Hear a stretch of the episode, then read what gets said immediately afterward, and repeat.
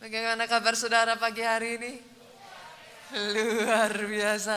Saya tahu saya berjumpa dan saya melihat orang-orang yang diurapi Tuhan. Tepuk tangannya boleh yang paling meriah buat Yesus Tuhan kita. Tidak terasa ya saudara, ini kita sudah masuk dalam satu seri firman Tuhan yang baru di bulan Desember. Kita sudah memasuki awal bulan Desember Ibu. So fast.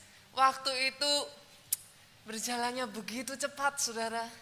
Dan di bulan September ini saudara kita akan menerima satu tema yang baru saudara yang berjudul The Joy is Coming. Joy is coming. Saya sungguh-sungguh berdoa sepanjang bulan ini. Sukacita itu melimpah atas hidup saudara. Saya perkatakan sepanjang penghujung tahun 2021 ini. Sukacita itu meluap atas hidup saudara. So much so, begitu rupa. It will end your morning mengakhiri duka citamu. Duka citamu diubahkan jadi sukacita. Aminnya yang paling keras, tepuk tangannya yang paling meriah buat Yesus Tuhan kita. Saudara, saya akan mengajak saudara untuk membaca sebuah kisah. Bagaimana Tuhan mengubahkan duka cita menjadi sukacita. Kita lihat kisah seorang yang bernama Daud. Saya yakin saudara sudah familiar dengan nama ini. Kita buka ya saudaraku Mazmur pasalnya yang ke-30, ayatnya yang pertama sampai ayatnya yang keempat. Saya bacakan untuk saudara.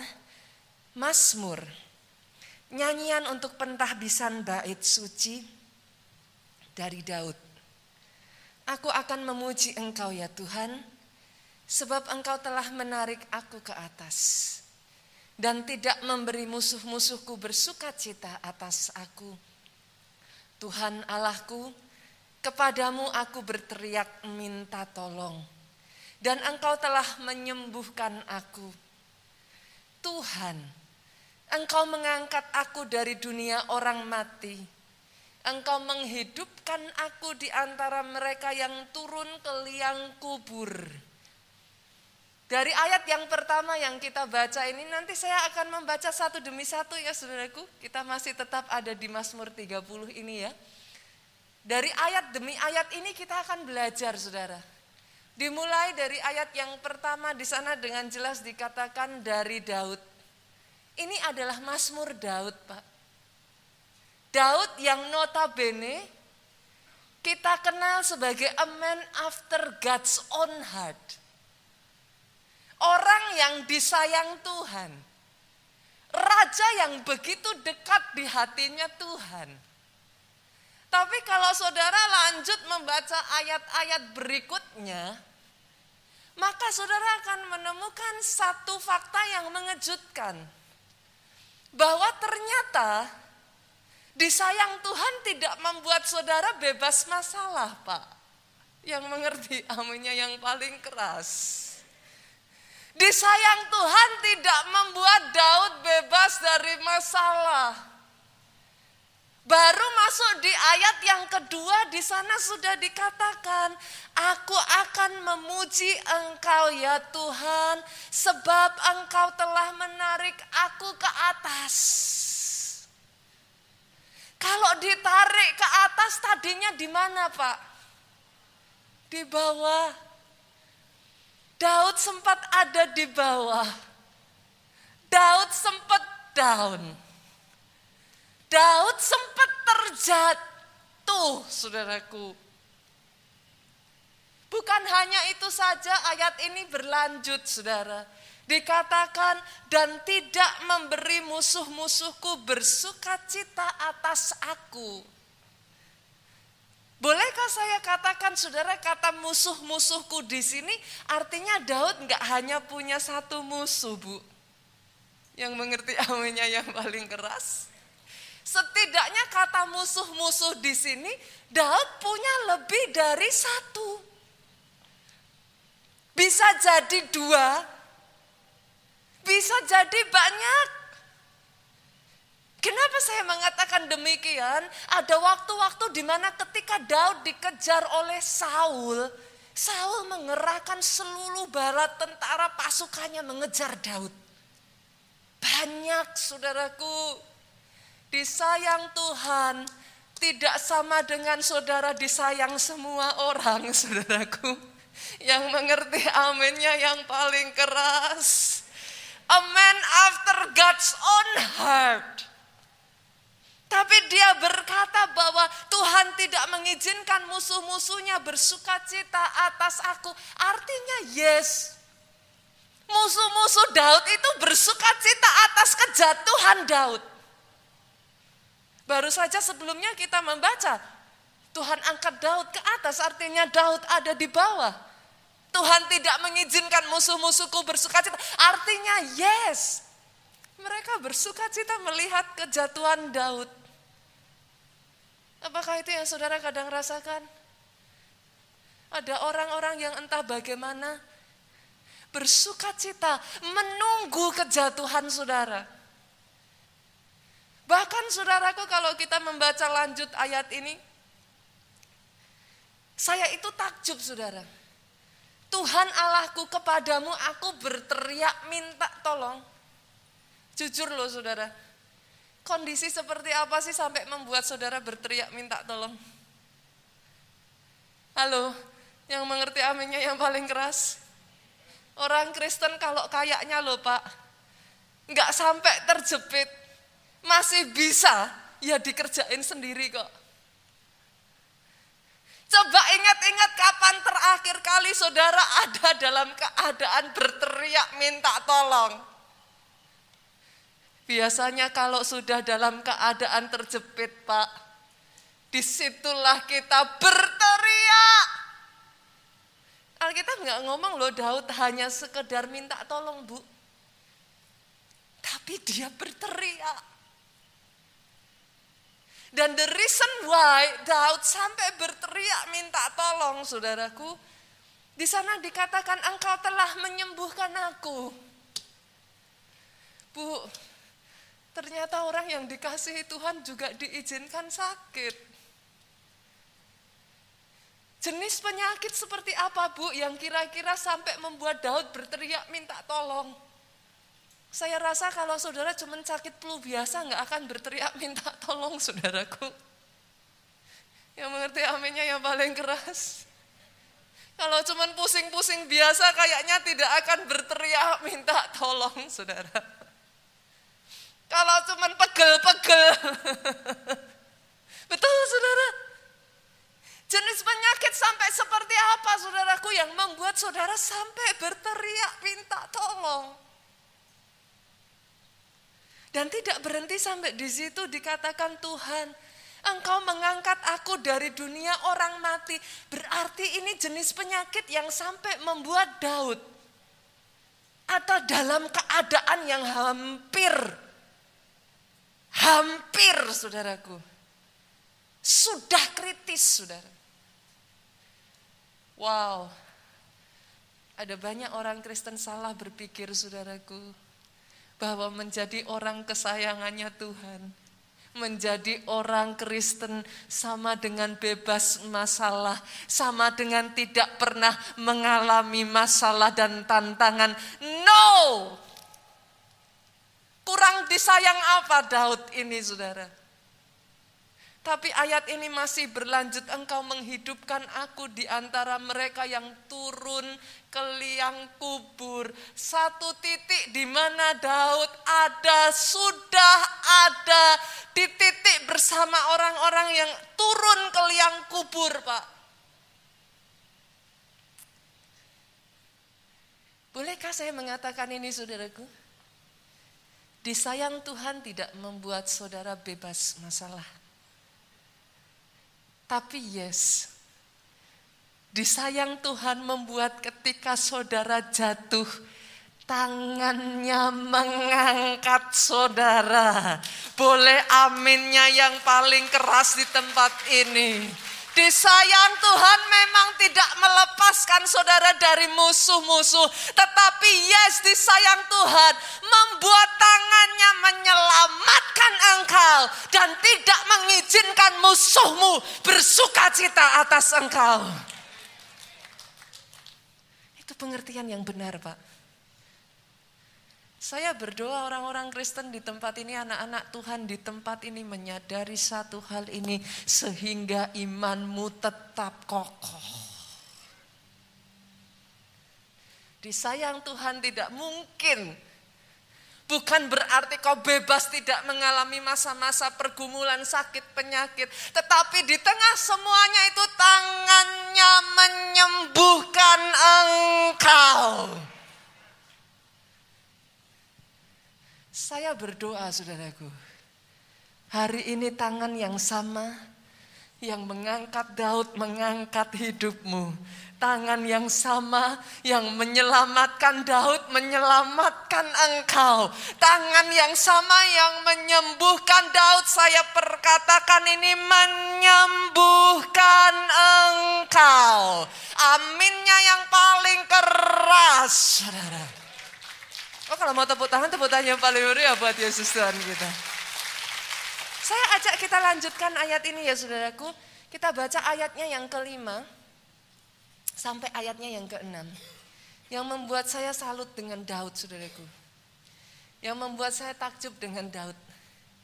Saya rasa bukan satu kebetulan Daud disebut orang yang disayang Tuhan saudara.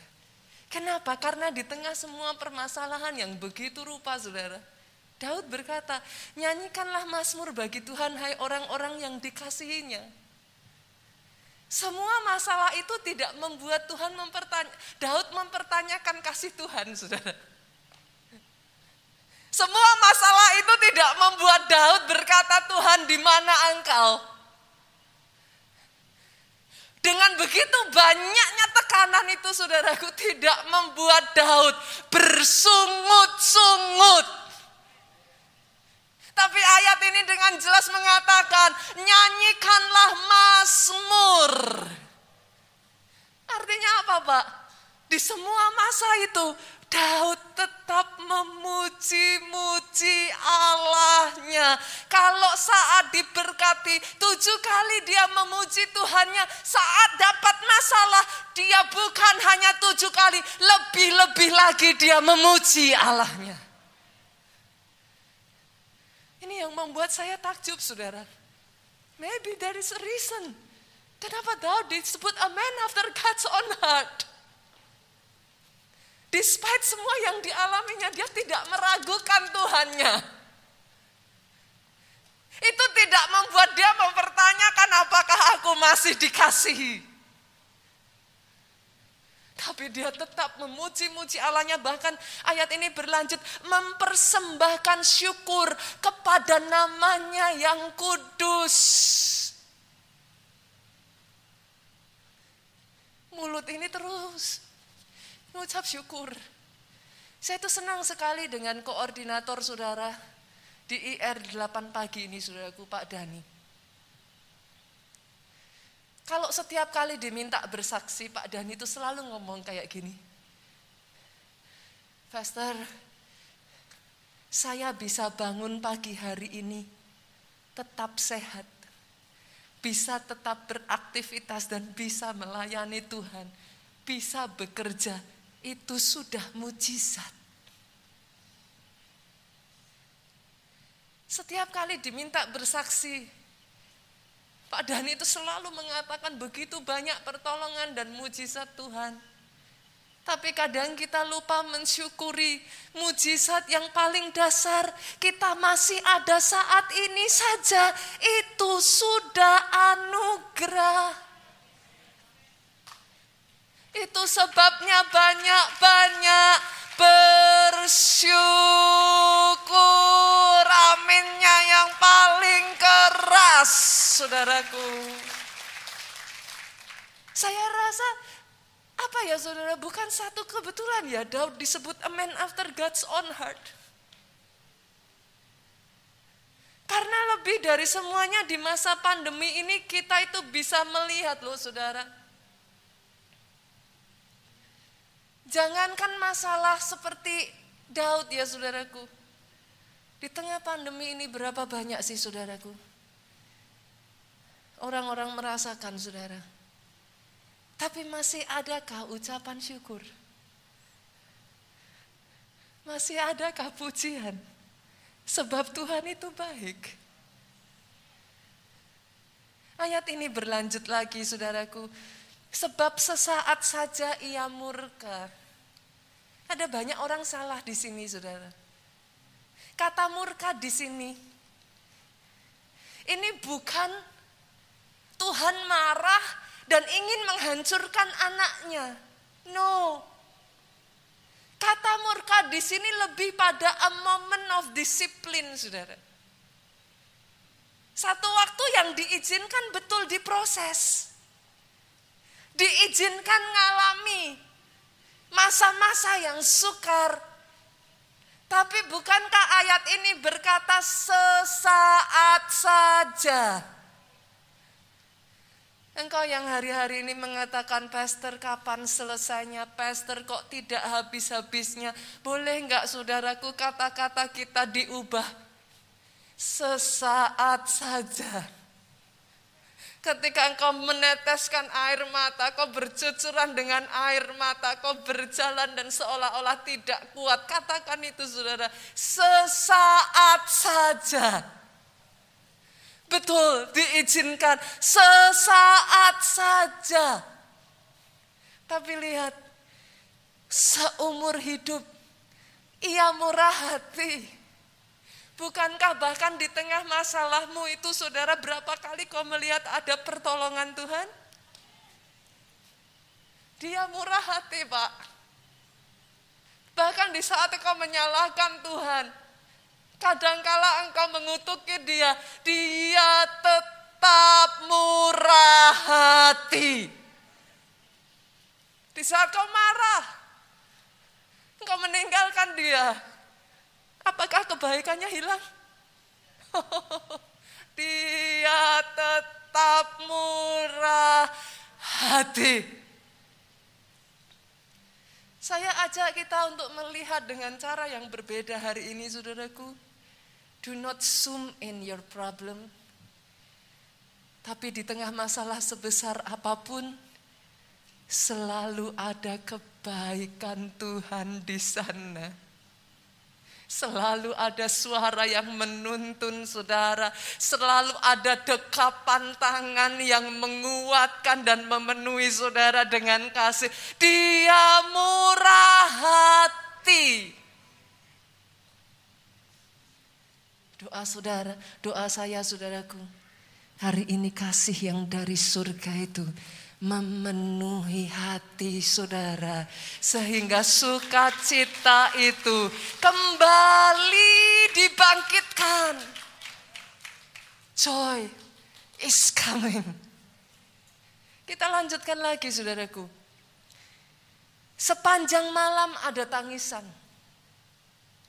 Saya tuh paling suka kalau baca Alkitab kayak gini, saudara. Jangan baca Alkitab cepet-cepet. Firman Tuhan itu bilang kalau kita baca Alkitab ya saudara dikunyah kayak sapi. Saudara pernah lihat sapi makannya gitu saudara. Sapi itu kalau makan gimana? Ini sayang pakai masker saudara, nggak kelihatan. Nyang, Saudara pernah lihat mulut sapi kalau makan? Pernah makannya kayak gitu saudara? Enggak ada. Baca firman tuh kayak gini nih loh saudara. Sepanjang malam ada tangisan. Saya nggak tahu ya masing-masing dari saudara apa yang saudara alami. Tapi yang saya tahu di 2020 dan 2021 ada banyak tangisan saudara. Saya sangat paham. Ada orang-orang yang kehilangan orang yang dikasihi. I know, saudaraku. Saya sangat paham, saudara. Berapa banyak dari orang-orang yang berjuang melalui sakit penyakit. Saya sangat paham bagaimana saudara berjuang dalam ekonomi saudaraku. Betapa banyak yang terlilit hutang saudara. Dan masa-masa ini menjadi semakin berat saudaraku. Tapi izinkan saya mengatakan ini. Mungkin itu yang disebut sebagai sepanjang malam. Ada tangisan pak. Karena pastor ya ampun pastor baru aja bisa senyum. Tapi nangis lagi. Betul ya bu? Rasanya tuh kadang capek loh saudara. Akhirnya saudara ngerasa lega. Hah, ada lagi. Sampai rasanya nggak ada waktu istirahat. Terus nangis, nangis, nangis. Tapi bolehkah saya mendeklarasikan ini hari ini saudaraku? Saya perkatakan ini atas kehidupan saudara menjelang pagi. Terdengar sorak-sorai. Dan sorak-soraimu dimulai hari ini. Saya belajar dari Nigeria satu hal ini saudara. Terserah orang di kiri kanan saudara mau apa. Tapi ketika kebenaran firman dideklarasikan, tangkap itu dengan iman. Tangkap remannya itu untuk saudara. Ketika kebenaran firman dideklarasikan, firman ini bukan, maaf saudara, izinkan saya katakan ini. Ketika saudara duduk dan mendengar firman, firman bukan untuk dinilai. Sorry to say saudara. Saudara tidak duduk, kemudian saudara berkata, pembicaranya bagus enggak ya? Bisa dimengerti enggak ya? Seru enggak ya? Lucu enggak ya? No. Tapi firman untuk diaminkan. Firman untuk ditangkap remanya. Karena ketika saudara tangkap remanya, lihat dengan cara yang ajaib, dia mengerjakannya. Saat ini kau berkata amin, mungkin belum terjadi, mungkin tidak ada yang kau lihat. Tapi ketika kau berkata amin, saudara tahu, tahu arti amin? Saudara bersepakat dengan Tuhanmu. Ketika firman disampaikan dan engkau bersepakat dengan Tuhanmu, itulah kau katakan amin. Amin bukan cheap word. Amin bukan latah, saudaraku. Amin mengatakan bahwa engkau bersehati dengan Tuhanmu. Maka dia kerjakan itu atas hidupmu. Kita lanjutkan saudaraku. Ayatnya yang ke-12. Aku yang meratap, telah kau ubah menjadi orang yang menari-nari. Ada di sini yang meratap. Kondisi apa sih sampai bikin saudara meratap? Meratap tuh apa tuh saudara sampai merintih. Sampai kayak Tuhan. Kalau ada di sini yang ada dalam keadaan seperti ini saudaraku, dia membuat engkau menari-nari. Dia akan membuat engkau menari-nari. The joy is coming. Dia membuka kain kabungmu. Telah dibuka pinggangmu diikat dengan sukacita. Pinggangmu bukan lagi diikat dengan beban berat, dengan masalah, tapi dengan sukacita. Supaya jiwaku menyanyikan mazmur bagimu dan jangan berdiam diri. Tuhan Allahku untuk selama-lamanya aku mau menyanyikan syukur bagimu. Doa saya itu jadi, jadi, jadi atas hidupmu sepanjang bulan ini. Joy is coming. Saya ingin mengajak saudara melihat, saudaraku. Ada dua kisah, saudara. Bagaimana mereka sungguh-sungguh mengalami pertolongan Tuhan. Duka cita mereka dibalik menjadi sukacita. Yang pertama, Bu, adalah kisah pada saat Sakaria doanya dikabulkan oleh Tuhan. Kita lihat ya saudaraku, Lukas 1 ayatnya yang kelima sampai tujuh. Hari ini kita akan banyak-banyak baca Alkitab ya saudara. Kalau saudara bertanya, sebagian orang kadang tanya, Pastor gimana sih caranya saya baca Alkitab? Justru hari ini saya akan menunjukkan kepada saudara bagaimana kita baca Alkitab saudaraku. Sehingga kita bisa menggali harta dari dalamnya. Bukan cuma baca ditelan, ditelan, ditelan, yang penting sudah tiga pasal. No. Tiga pasal habis itu ditanya dapat apa hari ini? Baca apa? Lupa. Kita coba ya, kita lihat ya. Lukas 1 ayatnya yang kelima sampai tujuh. Pada zaman Herodes, Raja Yudea, ada seorang imam yang bernama Sakaria dari rombongan Abia. Ini keturunan imam, sudah. Istrinya juga berasal dari keturunan Harun. Namanya ialah Elizabeth. Keduanya adalah benar di hadapan Allah. Nah ini saudara, setiap kali Alkitab mencatat sesuatu pak, itu pasti ada alasannya. Tuhan kita itu nggak boros berkata-kata saudara. Kalau dia menulis sesuatu, pasti ada maknanya. Keduanya hidup benar di hadapan Allah dan hidup menurut segala perintah dan ketetapan Tuhan dengan tidak bercacat. Tujuh, tetapi mereka tidak mempunyai anak sebab Elizabeth mandul dan keduanya telah lanjut umurnya. Kenapa dicatat begitu saudaraku?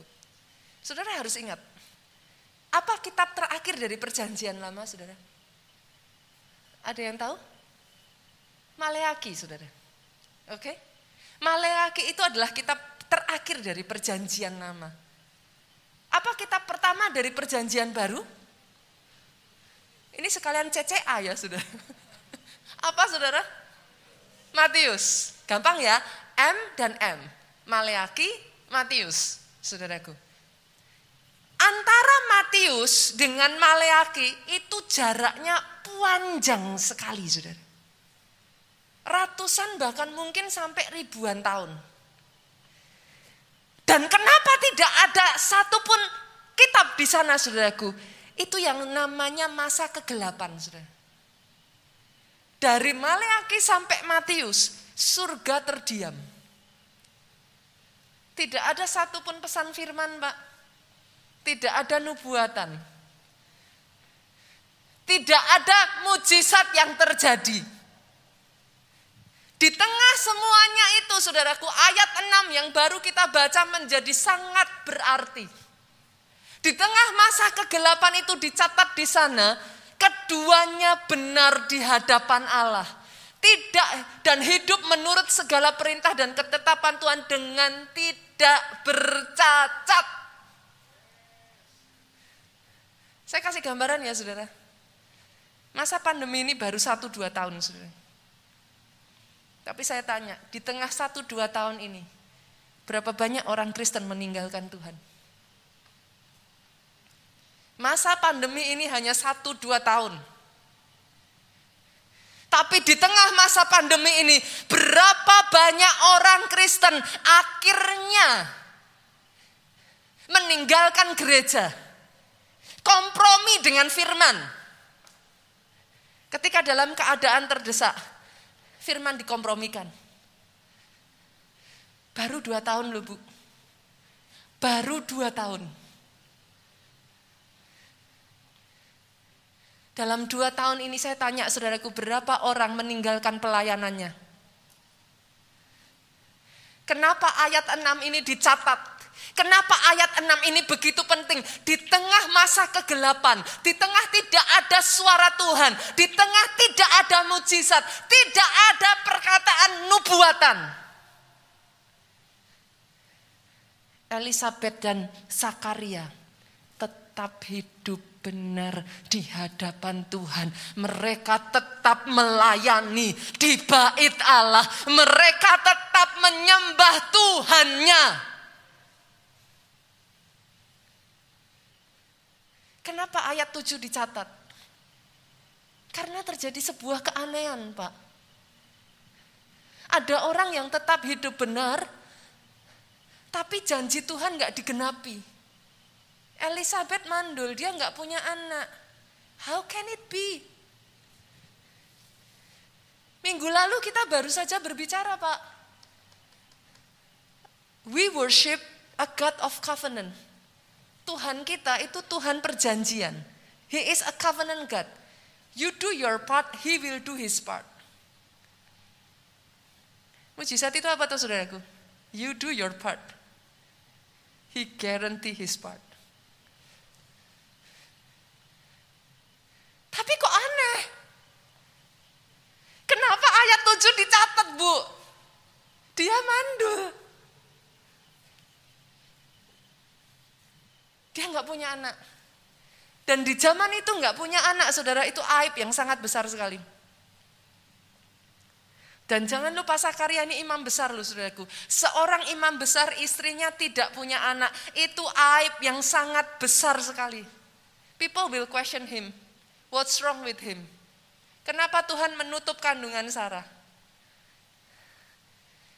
Tapi apakah itu membuat mereka mundur? Mereka sudah lanjut usia dan mereka tahu secara manusia janji itu tidak digenapi. Apakah membuat mereka meninggalkan Tuhan? Meninggalkan pelayanannya? No.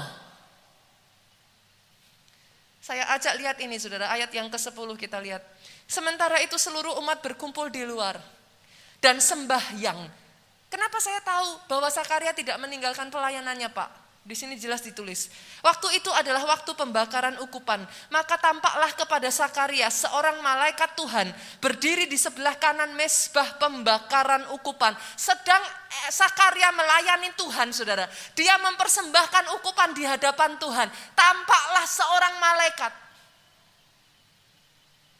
Saudara baca ayat ini kelihatannya biasa ya, saudara. Setelah ratusan tahun loh, saudara. Setelah ratusan tahun, tidak ada tanda, tidak ada suara, tidak ada firman, tidak ada nubuatan. Muncullah malaikat ini. Tidak heran saudara, apa respon Sakaria pertama kali. Melihat hal itu ia terkejut dan menjadi takut. Karena nggak pernah terjadi saudaraku ratusan tahun. Tetapi malaikat itu berkata kepadanya, jangan takut hai Sakaria sebab doamu telah dikabulkan dan Elizabeth istrimu akan melahirkan seorang anak laki-laki bagimu dan haruslah engkau menamai dia Yohanes. Engkau akan bersuka cita dan bergembira. Bahkan banyak orang akan bersuka cita atas kelahirannya itu. Tangkap ini baik-baik ya saudara. Saya nggak masalah dengan saudara yang tidak percaya hal ini. Tapi kalau saya jadi saudara setiap kali firman itu disampaikan, deklarasi profetik disampaikan, saya akan tangkap itu dengan iman. Regardless my situation gitu. Terlepas dari seperti apa situasi saya. Menjelang Natal. Menjelang Natal. Ini menjelang Natal saudaraku. Ada kabar sukacita. Menjelang Natal ada satu pesan yang diberikan kepada Sakaria. Dan saya akan katakan ini kepada saudara. Doamu telah dikabulkan Tuhan. Menjelang Natal ada satu pesan yang begitu istimewa. Saya tidak katakan ini untuk semua orang. Saya katakan ini kepada orang-orang yang bisa tangkap dan percaya rema pesan firman Tuhan. Doamu dikabulkan. Joy is coming. Joy is coming. Di tengah masa-masa yang begitu berat, mereka tetap melayani Tuhan. Mereka tetap pergi ke bait Tuhan dan pada saat mereka melayani dan mereka memuji-muji Tuhan, di situlah Tuhan berbicara. Jangan tinggalkan persekutuanmu dengan Tuhanmu, saudaraku. Di situlah Tuhan berbicara. Pastor, ada banyak orang bertanya kepada saya, tapi gimana cara saya melayani, Pastor? Saya tuh ingat, saudara, kalau bicara soal pelayanan, jadi ingat pertanyaan anak saya yang paling kecil, saudara. Karena sering saya ngomong kalau pergi ke gereja, jadi momom pergi pelayanan. Kan gitu saudara. Dia dengernya kan gitu. Terus sekarang saudara Kids Impact sudah buka, anak saya yang gede sama yang nomor dua juga sudah pergi ke gereja saudara. Jadi memang kasihan tinggal yang kecil. Dia pasti akan tanya, lah cici sama cici Gaby sama cici kakak juga pelayanan saya gitu kan saudara. Terus dia Jen gimana katanya saudara. Dari situlah saya katakan kepada anak saya ini, Jen, yang namanya melayani bisa kapan pun juga. Akhirnya saya jelaskan dia, saudara. Momom bisa melayani dengan momom berkhotbah. Momom pakai talenta yang Tuhan berikan untuk momom khotbah. Cici kakak bisa melayani dengan memakai talentanya untuk bernyanyi. Cici Gaby melayani dengan memakai talentanya di multimedia. Terus dia tanya, lah Jen apa mom? Jen talentanya apa? Dia suka lihat Ryan saudara. Kalau jadi youtuber bisa juga melayani Tuhan katanya. Anak zaman now tuh pengennya jadi youtuber saudaraku. Kalau jadi youtuber bisa melayani Tuhan. Tapi Jen belum bisa nulis. Jen bisa apa? Saya bilang, Jen menolong orang lain itu juga melayani Tuhan. Tadinya saya nggak ngah saudara, saya cuma ngomong aja. Jen bisa membantu di rumah, membantu, uh, ya kita nyebutnya sus, mbak gitu saudaraku bisa bantu momom, bisa bantu daddy, Jen juga bisa ibadah online, juga sungguh-sungguh memuji menyembah Tuhan. Satu ketika saudara dia masuk kamar saya, dia happy sekali. Momom katanya, hari ini Jen sudah melayani Tuhan lima kali. Saya bingung saudara. Maksudnya gimana Jen? Kamu melayani lima kali? Yes. Jen membantu momom membawakan belanjaan momom. Satu kali. Pusing saya saudaraku. Memang sih saya bilang membantu orang lain melayani saudara. Akhirnya dia bilang, tadi Jen membantu Cici membersihkan kotorannya Oco katanya. Aduh saya sampai ketawa saudaraku. Saya sampai ketawa. Dengan caranya yang unik. Sesederhana ini yang saya ingin katakan saudaraku. Siapa pun bisa melayani Tuhan. Di mana pun bisa melayani Tuhan. Boleh nggak sih? Apalagi di gereja. Senggol kiri kanan dari jauh. Ayo melayani Tuhan. Apa pun bisa saudara. Di sosmed saudara. Ayo. Daripada curcol-curcol galau-galau saudara. Pakai untuk melayani. Kemarin kesaksian minggu lalu. Seorang anak 16 tahun memakai sosial medianya. Bukan untuk pasang posting-posting status galau-galau. Memakai sosial medianya. Setiap dia lihat ada postingan galau-galau. Dia DM. Boleh saya doakan? Dalam waktu sangat singkat saudaraku. Dia membawa 246 jiwa. 79 orang digabungkan ke kelompok sel. Anak umur 16 tahun. Yang mengerti aminnya yang paling keras. Semuanya bisa. Saudara bisa melayani. Ayo layani Tuhan. Ini hari-hari ini Kids Impact sudah dibuka. Kita butuh sangat banyak orang saudaraku. Anak-anak sekarang saya sampai harus menahan. Kenapa? Karena guru-gurunya satu setengah tahun sudah ditutup saudara. Yang tadinya guru-gurunya ada sekarang udah banyak terpencar ke mana-mana gurunya. Kita butuh sangat banyak pelayan Tuhan untuk membantu anak-anak kita bisa beribadah. Ayo melayani. Yang mengerti aminnya yang keras. Dan untuk orang yang melayani, lihat ini firman Tuhan saudara. Saudara boleh setuju, boleh nggak setuju, tapi ini firman Tuhan. Tetapi Yesaya 61 ayat 6 sampai 7. Tetapi kamu akan disebut imam Tuhan dan akan dinamai pelayan Allah kita. Aminnya yang paling keras. Katakan itu saya. Tapi kok pelayan, Pastor? Bukankah pelayan itu rendah? Jangan salah. Tuhan Yesus berkata, di kerajaan surga yang tertinggi ialah yang melayani. Come on. di kerajaan surga yang tertinggi ialah yang melayani. Senggol dari jauh kiri kanannya, ayo melayani.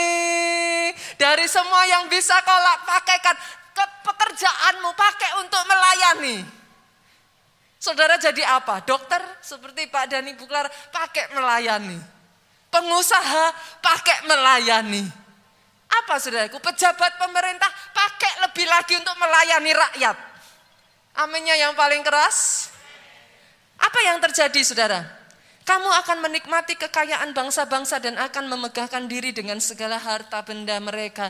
Sebagai ganti bahwa kamu mendapat malu dua kali lipat. Yes, mungkin sempat dipermalukan. Sebagai ganti noda, yes, sempat mungkin rasanya bahkan ditolak saudaraku. Dan ludah bahkan yang menjadi bagianmu. Jadi jangan hanya nangkepnya yang berkat-berkat terus ya saudara. Tapi juga jangan anti berkat ya saudaraku. Kalau baca Alkitab boleh nggak menyeluruh? Aminnya yang keras. Bagianmu juga adalah dapat ludah. Nah ya itu diterima. Tetapi kamu akan mendapat warisan dua kali lipat di negerimu dan sukacita abadi akan menjadi kepunyaanmu. Oh, sorak-sorak yang paling meriah, saudaraku melayani Tuhan selalu manis. Bukan karena cuma berkat, biar pikul salib selalu manis. Amin, saudara. Yang kedua, saudara, satu kisah lagi, saudara, dari seorang bernama Hana. Kita buka satu Samuel Pasalnya yang pertama ayat 1 sampai 7. Ada seorang laki-laki dari Ramataim Sofim dari pegunungan Efraim namanya Elkana bin Yeroham bin Elihu bin Tohu bin Suf seorang Efraim. Dia Efraim Saudara. Orang ini punya dua istri. Yang seorang bernama Hana, yang lain bernama Penina. Penina mempunyai anak tetapi Hana tidak. Orang itu dari tahun ke tahun pergi meninggalkan kotanya, sujud menyembah mempersembahkan korban kepada Tuhan semesta alam di Silo. Tiap tahun gerejanya jauh, zaman itu nggak banyak gereja saudaraku. Baik Tuhan itu harus keluar kota. Di sana yang menjadi imam adalah kedua anak Eli, Hofni dan Pinehas. Saudara tahu kisahnya kan? Imamnya melakukan hal yang nggak benar. Tahu kisahnya ya saudaraku?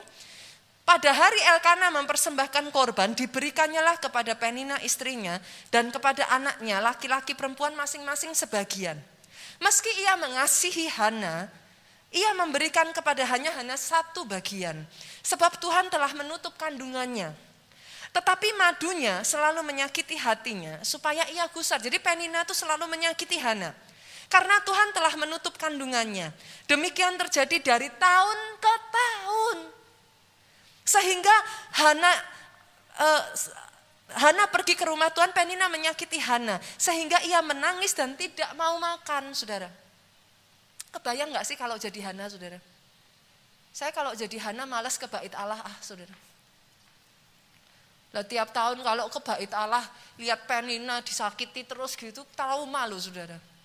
Tahun satu, tahun dua bisa ditebak. Peninanya, nah, nah, nah, nah, nah.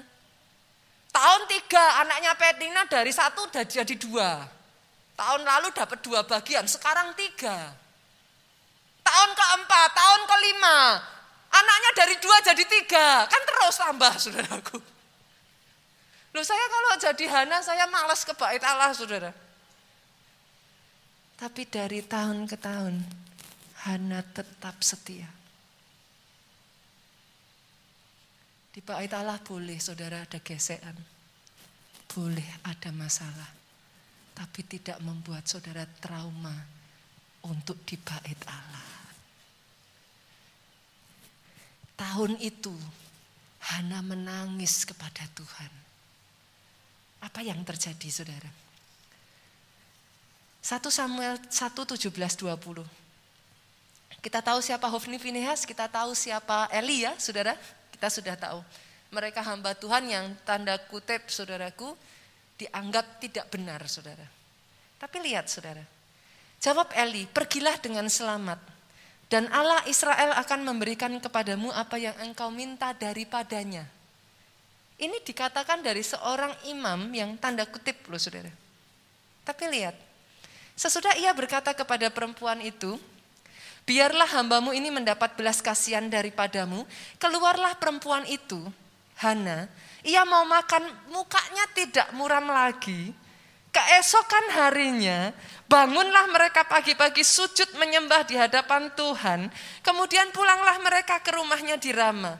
Ketika Elkana bersetubuh dengan Hana istrinya, Tuhan ingat padanya. Maka setahun kemudian mengandunglah Hana, melahirkan seorang anak laki-laki, menamainya Samuel sebab katanya aku telah memintanya daripada Tuhan. Ada di sini yang mengalami seperti Hana dibanding-bandingkan? Kalau kumpul keluarga tertekan saudaraku. Tiap kumpul keluarga tanya, pacarnya mana? Nanti habis menikah ditanya, sudah punya anak belum? Tertekan ya kadang ya saudaraku. Capek. Tapi dengar Hana ini saudaraku. Saya tuh nggak tahu dari dua kisah ini bukan satu kebetulan dari saudara. Ketika mereka di bait Tuhan, mereka mendengar suara Tuhan. Bahkan dari seorang imam yang quote-quote. Tapi Hana tidak melihat manusianya. Manusianya boleh masalah. Tapi dia tangkap rema firmannya. Hari itu dia tangkap yang tadinya menangis gak mau makan dia berurap bersuka cita dia mau makan saudaraku apakah langsung terjadi punya anak enggak Alkitab mencatat tahun depan. Kau boleh tidak melihat saat ini. But joy is coming. Bersukacitalah. Sekali lagi ku katakan bersukacitalah. Pertolongan Tuhan datang tepat pada waktunya. Bangkit berdiri jemaat Tuhan. Katakan ini saudara-saudara. Ke manakah kami mencari kasih sejati. Come on saudaraku. Ke manakah kami berseru saat badai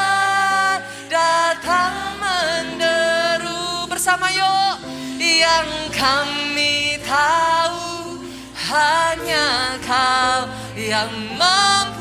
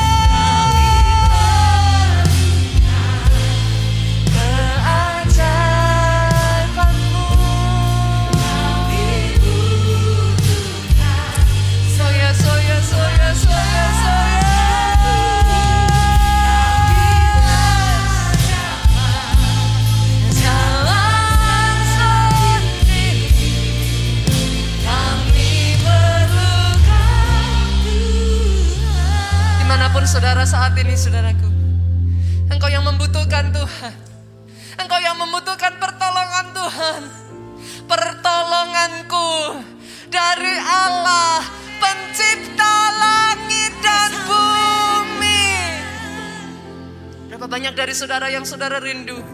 Datang di hadapan Tuhan, saudaraku datang di hadapan Tuhan. Iraba syerete karalala bayapa syerete. Iralala bayapa